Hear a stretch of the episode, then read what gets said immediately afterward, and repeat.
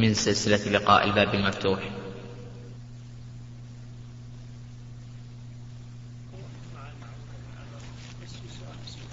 العصر لأن هذا درس عام. لا ما في شيء. الراجح إن شاء الله ما في شيء. ما في شيء إن شاء الله إن شاء الله. إيه. إن شاء الله السلام ورحمة الله مفتوح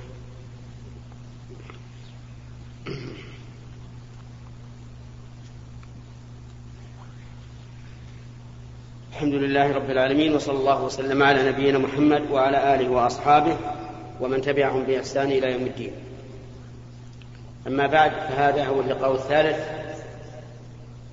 الثالث من الشهر من هذه السنة. أما بعد فهذا هو اللقاء الثالث من لقاء الباب المفتوح. لعام ستة عشر وأربعمائة وألف والذي يتم كل يوم خميس وهذا هو اليوم السادس عشر من شهر محرم عام سبعة عام ستة عشر وأربعمائة وألف. نبتدئ هذا اللقاء بما يسر الله تعالى من تفسير سورة العاديات. يقول الله تبارك وتعالى والعاديات ضبحا فالموريات قدحا فالمغيرات صبحا. فأثرن به نقعا فوسطن به جمعا إلى آخر السورة. ولا يخفى على الجميع أن هذا قسم والعاديات ضبحا وأن العاديات صفة لموصوف محذوف. فما هو هذا الموصوف؟ هل المراد الخيل يعني والخيل العاديات أو المراد الإبل يعني والإبل العاديات؟ في هذا قولان للمفسرين فمنهم من قال إن, إن الموصوف هي الإبل والتقدير والإبل العاديات ويعني بها الإبل التي تعدو من عرفة إلى مزدلفة ثم إلى منى وذلك في مناسك الحج. واستدلوا لهذا بأن هذه السورة مكية وأنه ليس في مكة جهاد على الخيل حتى يقسم بها. أما القول الثاني لجمهور المفسرين وهو الصحيح فإن فإن المحذوف هو الخيل. والتقدير والخيل العاديات والخيل العاديات معلومة للعرب حتى قبل مشروعية الجهاد. هناك خيل تعدو على أعدائها سواء بحق أو بغير حق فيما قبل الإسلام. أما بعد الإسلام فالخيل تعدو على أعدائها بحق. يقول الله تعالى والعاديات والعادي اسم فاعل من العدو وهو سرعة المشي والانطلاق. وقول ضبحا الضبح ما يسمع من أجواف الخيل حين تعدو بسرعة يكون لها صوت يخرج من صدورها. وهذا يدل على قوة سعيها وشدته. فالموريات قدحا الموريات من أورى أو وراء بمعنى قدح.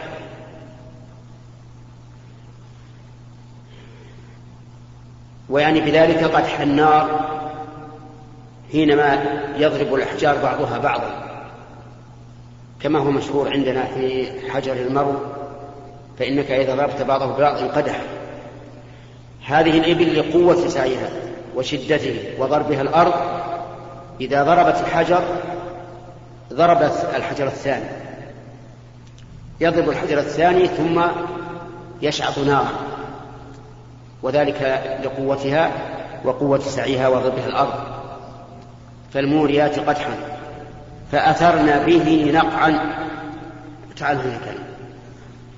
فأثرن به أي فالمغيرات صبحا. فالمغيرات صبحا أي فالتي تغير صباحا على العدو. وهذا صفر. وهذا أحسن حال أحسن وقت يغار به على العدو. اقرب يا أخي. اقرب هذا إلى حد. آه المغيرات صبحا أي التي تغير على عدوها في الصباح. وهذا أحسن ما يكون إغارة على العدو أن يكون في الصباح لأنه في غفلة ونوم. وحتى لو استيقظ من الغارة فسوف يكون على كسل وعلى إعياء.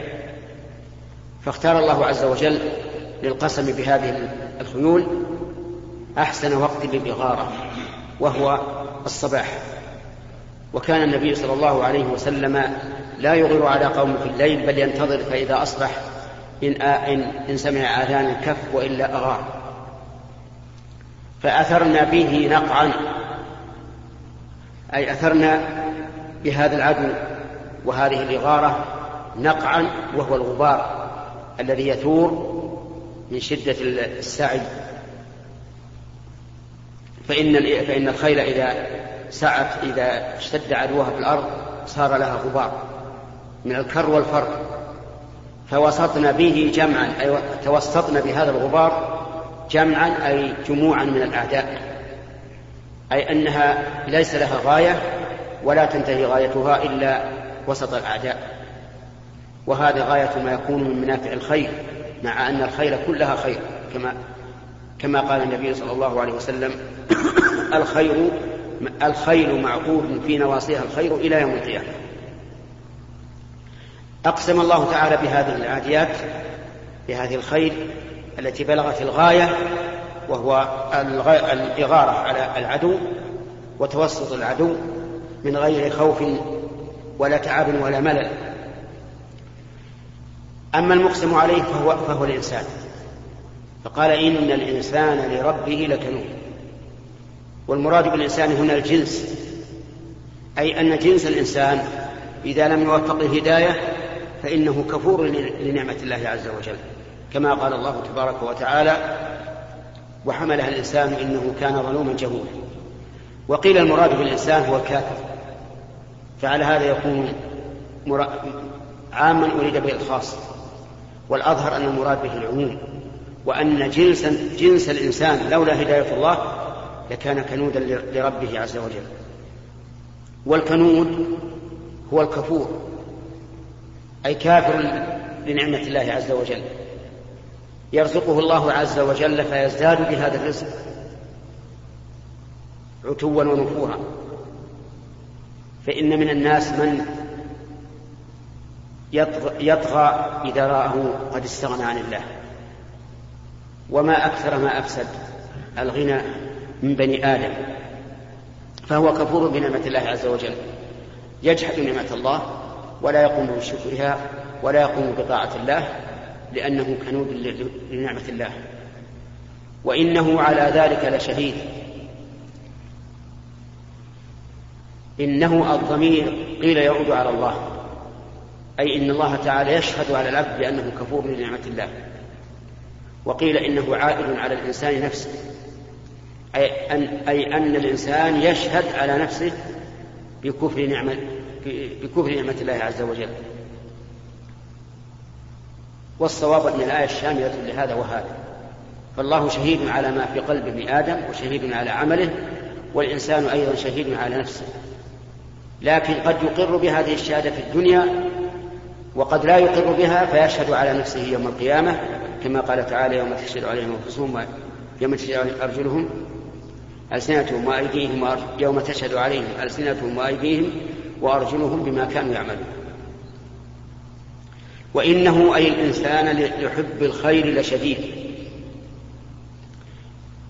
الخير هو المال كما قال الله تعالى كتب عليكم إذا حضر أحدكم الموت إن ترك خيرا الوصية أي إن ترك مالا كثيرا.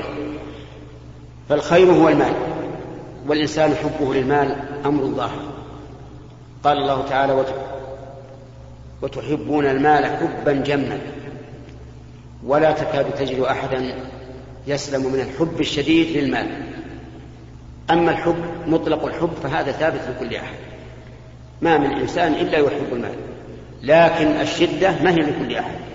بعض الناس يحب المال الذي تقوم به الكفاية ويستغني به عن عباد الله وبعض الناس يريد أكثر وبعض الناس يريد أوسع وأوسع. المهم أن كل إنسان فإنه محب للخير أي المال لكن الشدة تختلف أو يختلف فيها الناس من شخص لآخر. ثم إن الله تعالى ذكر الإنسان حالا لا بد له منها. فقال أفلا يعلم إذا بعثر ما في القبور فيعمل لذلك ولا يكون همه المال. أفلا يعلم أن يتيقن إذا بعثر ما في القبور أي نشر وأظهر فإن الناس يخرجون من قبورهم لرب العالمين كأنهم جراد منتشر. يخرجون جميعا بصيحة واحدة إن كانت إلا صيحة واحدة فإذا هم جميع لجان محضرون. وحصل ما في الصدور أي ما في القلوب من النيات وأعمال القلب كالتوكل والرغبة والرهبة والخوف والرجاء وما أشبه ذلك. وهنا جعل الله عز وجل العمدة ما في, ما في الصدور. كما قال تعالى يوم, يوم تبلى السرائر فما له من قوة ولا ناصر. لأنه في الدنيا يعامل الناس معاملة الظاهر. حتى المنافق يعامل كما يعامل المسلم كما يعامل المسلم حقا لكن في الآخرة العمل على ما في القلب. ولهذا يجب علينا أن نعتني بقلوبنا قبل كل شيء قبل الأعمال. لأن القلب هو الذي عليه المدار وهو الذي سيكون الجزاء عليه يوم القيامة. ولهذا قال فصل ما في الصدور. ومناسبة الآيتين بعضهما لبعض أن بعثرة ما في القبور إخراج للأجساد من من بواطن الأرض وتحصيل ما في الصدور إخراج لما في الصدور مما تكنه الصدور. فالبعثرة بعثرة ما في القبور عما تكنه الأرض وهنا عما يكنه الصدر والتناسب بينهما ظاهر. إن ربهم بهم يومئذ لخبير. أي إن الله عز وجل بهم أي بالعباد لخبير. وقال بهم ولم يقل به مع أن الإنسان مفرد باعتبار المعنى. أي أنه أعاد الضمير على الإنسان باعتبار المعنى لأن معنى إن الإنسان أي إن كل إنسان. وعلق العلم في ذلك اليوم إن ربهم بهم يومئذ لأنه يوم الجزاء. والحساب وإلا فإن الله تعالى عليم خبير في ذلك اليوم وفيما قبله فهو جل وعلا عالم بما كان وما يكون لو كان كيف يكون. هذا هو التفسير اليسير لهذه السورة العظيمة ومن أراد البسط فعليه بكتب التفاسير التي تبسط القول في هذا وإنما نحن نشير إلى المعاني إشارة موجزة وقد بينا أول ما بدأنا بتفسير هذا الجزء المبارك أننا اخترنا هذا لأنه كثيرا ما يسمعه الناس في الصلاة الجهرية في المغرب والعشاء والفجر. نسأل الله لنا ولكم الهداية والتوفيق وأن يجعلنا ممن يتلون كتاب الله حق تلاوته. إنه على كل شيء قدير. أما الآن فإلى الأسئلة. وكالعادة لكل واحد سؤال. نعم. الله عنك. ما وجه فرض الثلث للجد مع الأخوة وثلث الباقي؟ والأصل أن فرض الأب والجد السدس بسم الله الرحمن الرحيم. القول الراجح في هذه المسألة الذي تدل عليه الأدلة وقال به أبو بكر الصديق وثلاثة عشر من الصحابة رضي الله عنهم أن الجد كالأب سواء بسواء إلا في العمريتين فقط. فإن للأم ثلث الباقي مع الأب ولها مع الجد الثلث كامل. والعمريتان هما أن يموت شخص عن زوج وأم وأب أو عن زوجة وأم وأب. يعني أن يموت الزوج عن زوجة وأم وأب. فنقول للزوجة الربع إذا مات الزوج عنها وعن أبيه وأمه وللأم ثلث الباقي وللأب الباقي. أو تموت هي عن زوج وأم وأب فيكون للزوج النصف وللأم ثلث الباقي وللأب الباقي. ولو ماتت عن زوج وأم وجد لكان للزوج النصف وللأم الثلث كاملا وللجد الباقي. وكذلك لو مات عن زوجة وأم وأب لكان للزوجة الربع وللأم الثلث كاملا وللجد الباقي. فهاتان المسألتان وهما العمريتان هما التي يختلف فيها الأب والجد. أما ما عداها من الصور والمسائل فإن الأب كالجد فإن الجد كالأب. وأما من من ذهب إلى أن الجد له أحوال مع وأن الإخوة الأشقة أو أو لأب يرثون معه فإن هذا القول ضعيف. ليس عليه دليل لا من كتاب الله ولا من سنة رسول الله ولا من الإجماع ولا من القياس الصحيح. فالصواب أن الجد يسقط الإخوة الأشقة أو لأب مطلقا وعلى هذا فيكون السؤال الذي أورد أوردته آه، غير وارد لأنه ليس هناك ثلث باقي ولا آه، ولا مقاسمة مع الإخوة. واضح؟ وجه إرادة أنها بناء على آراء وأفكار يقولون مثلا إن قوة ارتباط الجد بابن ابنه أقوى من من الإخوة فيكون له الفضل والتمييز. فيقال حب أننا قلنا ذلك فما هو الدليل على أن له الثلث أو الثلث الباقي مثلا؟ ليس هناك دليل. نعم. فضيلة الشيخ أرى بعض الناس يوم الجمعة وقبل دخول الخطيب بخمس دقائق إلى ربع ساعة يقوم ثم يصلي نافلة. فهل لذلك من وجه؟ وهل في يوم الجمعة عند الزوال نهي عن الصلاة؟ لا وجه لهذا أي لا وجه لكون بعض الناس ينتظر فإذا بقي عشر دقائق أو نحوها. آه، قبل مجيء الخطيب قام فصلى. ولا أعلم أحدا قال بهذا القول إطلاقا. وأما كون الجمعة فيها وقت نهي فالصحيح أن فيها وقت نهي. وأنها كغيرها من الأيام لعموم الأدلة. وليس هناك دليل يدل على تخصيص يوم الجمعة بأنه لا نهي فيه عند الزواج. وقد ورد في هذا حديث ضعيف عن النبي عليه الصلاة والسلام. وذكر الشيخ الإسلام رحمه الله أنه لا ينهى الإنسان عن الصلاة إذا كان مستمرا في صلاته حتى يقوم حتى يأتي الخطيب. قال لأن هذا كان الصحابة يفعلونه.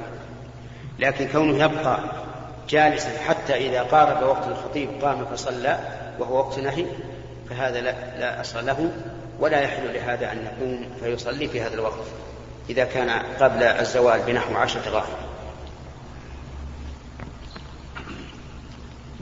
السلام عليكم ورحمة الله وبركاته.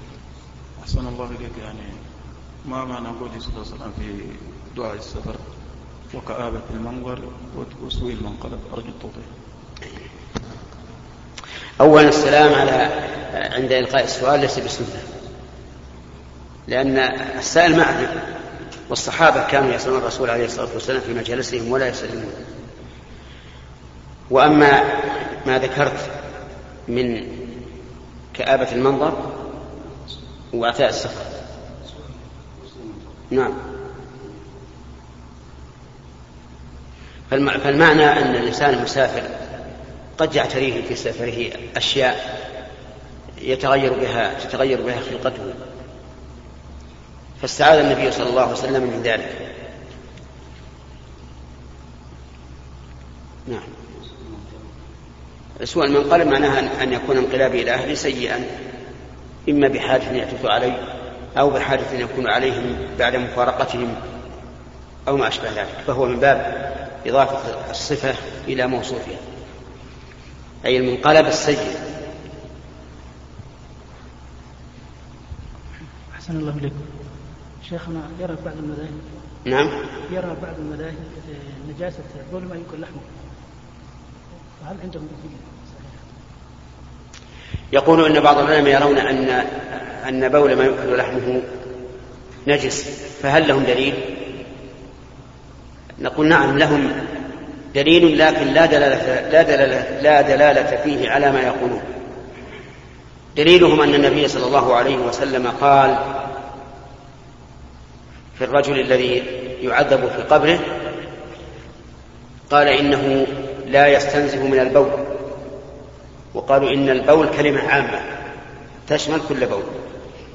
لكن لا دلالة لهم على في ذلك. لأن المراد بالبول هنا بوله كما جاء ذلك في صحيح البخاري. أما أحدهما فكان لا يستنزه أو لا يستبرئ من بوله. فيكون ال في البول للعهد للعهد الذهني. ولأن بوله هو الذي يتلطخ به غالبا. أما بول ما يأكل لحمه فهو نادر لا يكون إلا لرعاة الإبل أو الغنم والبقر. فهذا ليس له فيه ليس لهم فيه دليل. ونقول أيضا إنه قد دل الدليل على أن بول ما يؤكل لحمه طاهر. فقد أمر النبي صلى الله عليه وسلم العرنيين أن يلحقوا بإبل الصدقة وأن يشربوا من أبوالها وألبانها. ولم يأمرهم بغسل ما أصابهم من ذلك وأيضا لو كان نجسا لكان لو كان بولها نجسا لكان حراما لا يجوز الاستشفاء به. ثم نقول أيضا الأصل في الأشياء الطهارة فلا يمكن أن ننجس شيئا إلا بدليل واضح بين. إذا فالقول الراجح الصواب أن بول ما يؤكل لحمه وروثه طاهر. سواء كان من من الإبل أو البقر أو الغنم أو الدجاج أو الأرانب أو الحمام أو غير ذلك. نعم. بسم الله الرحمن الرحيم. فضيلة الشيخ يكثر في بعض المجالس يعني الكلام على السياسة. إن بعد ما تنكر عليهم يقول السياسة من الدين ويتكلمون أحيانا بل إنه يقع في الغيبة. بس إن المجالس المجلس فيه ذكر الله بعد ما ينتهي المجلس يقعدون في مجالس ما رأيك في الجلوس معهم أنا رأيي أن الكلام في السياسة في عامة الناس خطأ لأن السياسة لها, لها, لها رجال وأقوام. رجالها ذوي السلطة والحكم. أما أن تكون السياسة منثورة بين أيدي العوام وفي المجالس فهذا خلاف هدي السلف الصالح. فما كان عمر بن الخطاب ومن قبله كأبي بكر رضي الله عنهما ما كانوا يبثون سياستهم في مجامع الناس. يلوكها الصغير والكبير والسفيه والعاقل. أبدا. ولا يمكن أن تكون السياسة هكذا. السياسة لا أقوى. متمرسون فيها. يعرفونها ويعرفون مداخلها ولهم اتصال بالخارج واتصال بالداخل. لا يعرفه كثير من الناس.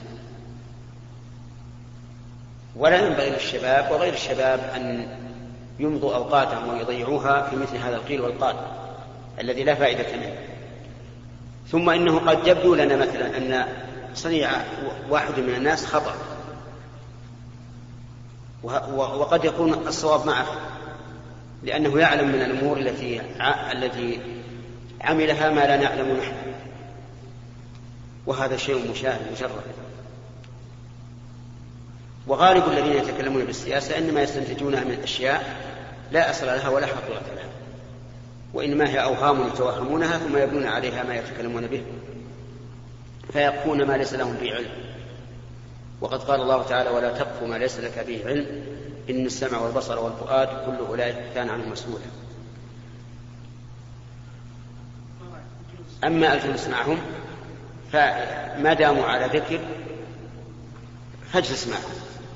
وإذا قاموا يخوضون هذا الخوض الذي لا فائدة فيه فانصحهم أولا فإن اهتدوا فهذا هو المطلوب وإلا ففارقهم ثم إذا كان حضورك مجالسهم التي للذكر يؤدي إلى أن يغتروا بأنفسهم أو أن يغتر بهم بمجيئك إليهم غيرهم فيقول لولا أن هؤلاء على خير ما جاء إليهم فلان ولا فلان فلا تأتي إليهم أيضا حتى بالذكر. لأن أبواب الذكر رحمة الله كثيرة. نعم.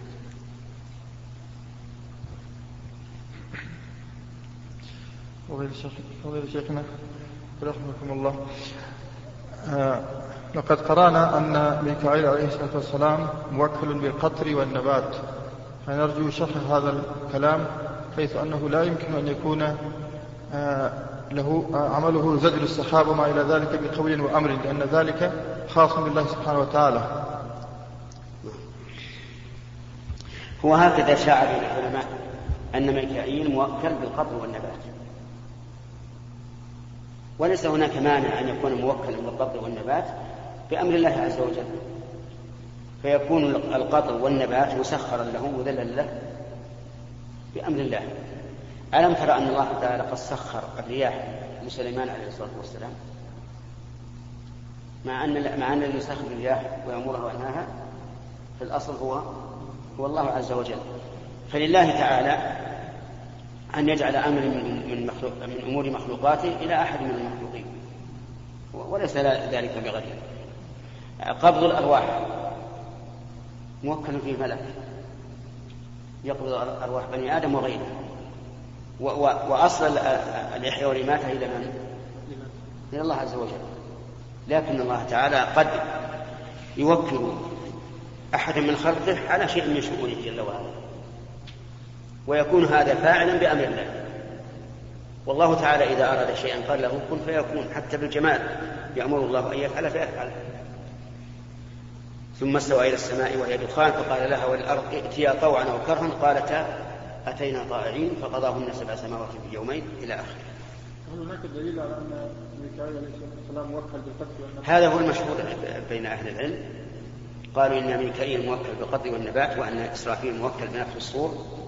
وأن جبرائيل موكل بالوحي ينزل به من عند الله عز وجل إلى الرسل وقالوا إن هؤلاء الثلاثة هم الذين كان النبي صلى الله عليه وسلم يستفتح في صلاة الليل بربوبية الله تعالى له حيث يقول اللهم رب جبرائيل وميكائيل وإسرافيل فاطر السماوات والأرض عالم الغيب والشهادة أنت تحكم بين عبادك فيما كانوا فيه يختلفون اهدني لما اختلف فيه من الحق بإذنك إنك تهدي من تشاء إلى صراط مستقيم. قالوا إنما كان يستفتح بهؤلاء الثلاثة لأن كل واحد موكل بما فيه الحياة. فجبريل موكل بما فيه حياة القلوب وهو الوحي. وإسرافيل موكل بما فيه حياة الأبدان الحياة النهائية وهو نفخ الصور. وميكائيل موكل بما فيه حياة الأرض وهو القطر والنبات. وهذا لا يعني أن الله عز وجل عاجز. الله عز وجل لو شاء لقال كن فيكون في كل شيء. لكن هذا لإظهار الحكمة وإظهار قوة السلطان وأنه جل وعلا له جنود لا يعلمها إلا هو عز وجل ويعلمنا ما, ما شاء لذلك شيخ أحسن الله إليك. أحسن الله إليك. ألا يحتمل تفسير قوله تعالى وإنه لحب الخير لشديد. بمعنى الخير هنا الخير بأن الخيل الخير. بأن السنة مفسرة للقرآن في قول النبي صلى الله عليه وسلم أن الخيل معقود في نواصيها الخير إلى يوم القيامة. أم تحتمل يعني لا ما ما رأيت أحد قال بهذا أن المراد بحب الخير أي الخير والسنة قال الرسول الخيل في نواصيها الخير ولم يقل هي خير أو يقول هي الخير وأيضا الإنسان ليس كل أحد يحب الخير لو أنك سبرت أحوال بني آدم لوجدت يمكن من ألف واحد. لا بمناسبة الآية ما يستقيم يحب الخير عاد كل كل أحد وما هو. أحد يحب الإبل وأحد يحب الغنم وأحد يحب الحرث وأحد يحب التجارة وأحد يحب الخير وأحد يحب السيارات. لا ما هو سبب النزول هذا ما فيها سبب النزول. الشيء كان العمل كان ما رأيت أحد قال به نعم. إن أطلب منك شرح آية من القرآن نعم. بس إن أطلب منك شرح من آية من القرآن يعني بسم الله الرحمن الرحيم.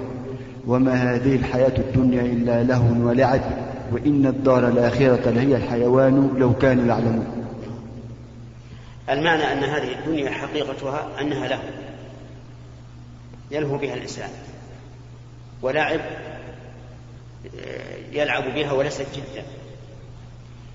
فالعمل الدنيوي المحض ليس إلا لعب يذهب هباء وإن الدار الآخرة ليس الحيوان أي لا هي الحياة الكاملة. الحيوان هنا مو هنا الحيوان المعروف المراد الحياة الكاملة. كما قال الله تعالى يقول يا ليتني قدمت لحياتي فهي الحياة الكاملة. وقول لو كانوا يعلمون يعني لو كانوا من ذوي العلم ما آثروا الدنيا على الآخرة.